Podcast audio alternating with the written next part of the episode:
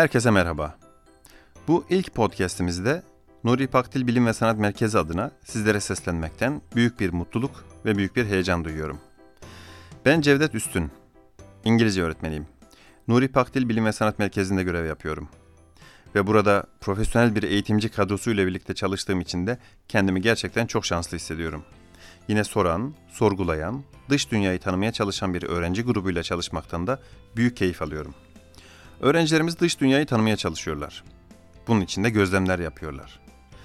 Öğrencilerimiz duyuyorlar, görüyorlar ve en önemlisi düşünüyorlar. Ve dış dünyaya dair fikirler geliştiriyorlar. Bu fikirleri bizlerle paylaşıyorlar. Bu fikirleri tartışıyoruz, istişare ediyoruz.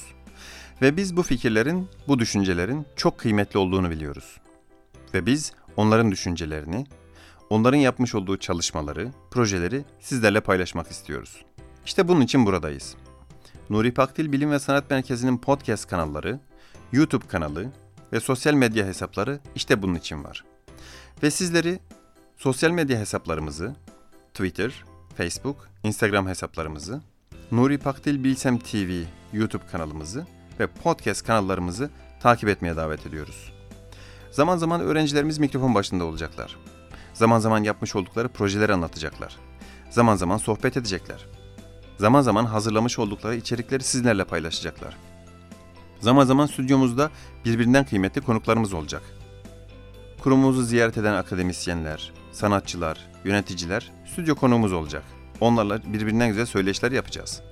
Ve öğretmenlerimizin özel uzmanlık alanlarındaki bilgi ve birikimlerini sizlere aktaracakları çok keyifli söyleşiler yapacağız. Ve tüm bu paylaşımların sizlere ulaşması için sizleri kanallarımızı takip etmeye davet ediyoruz.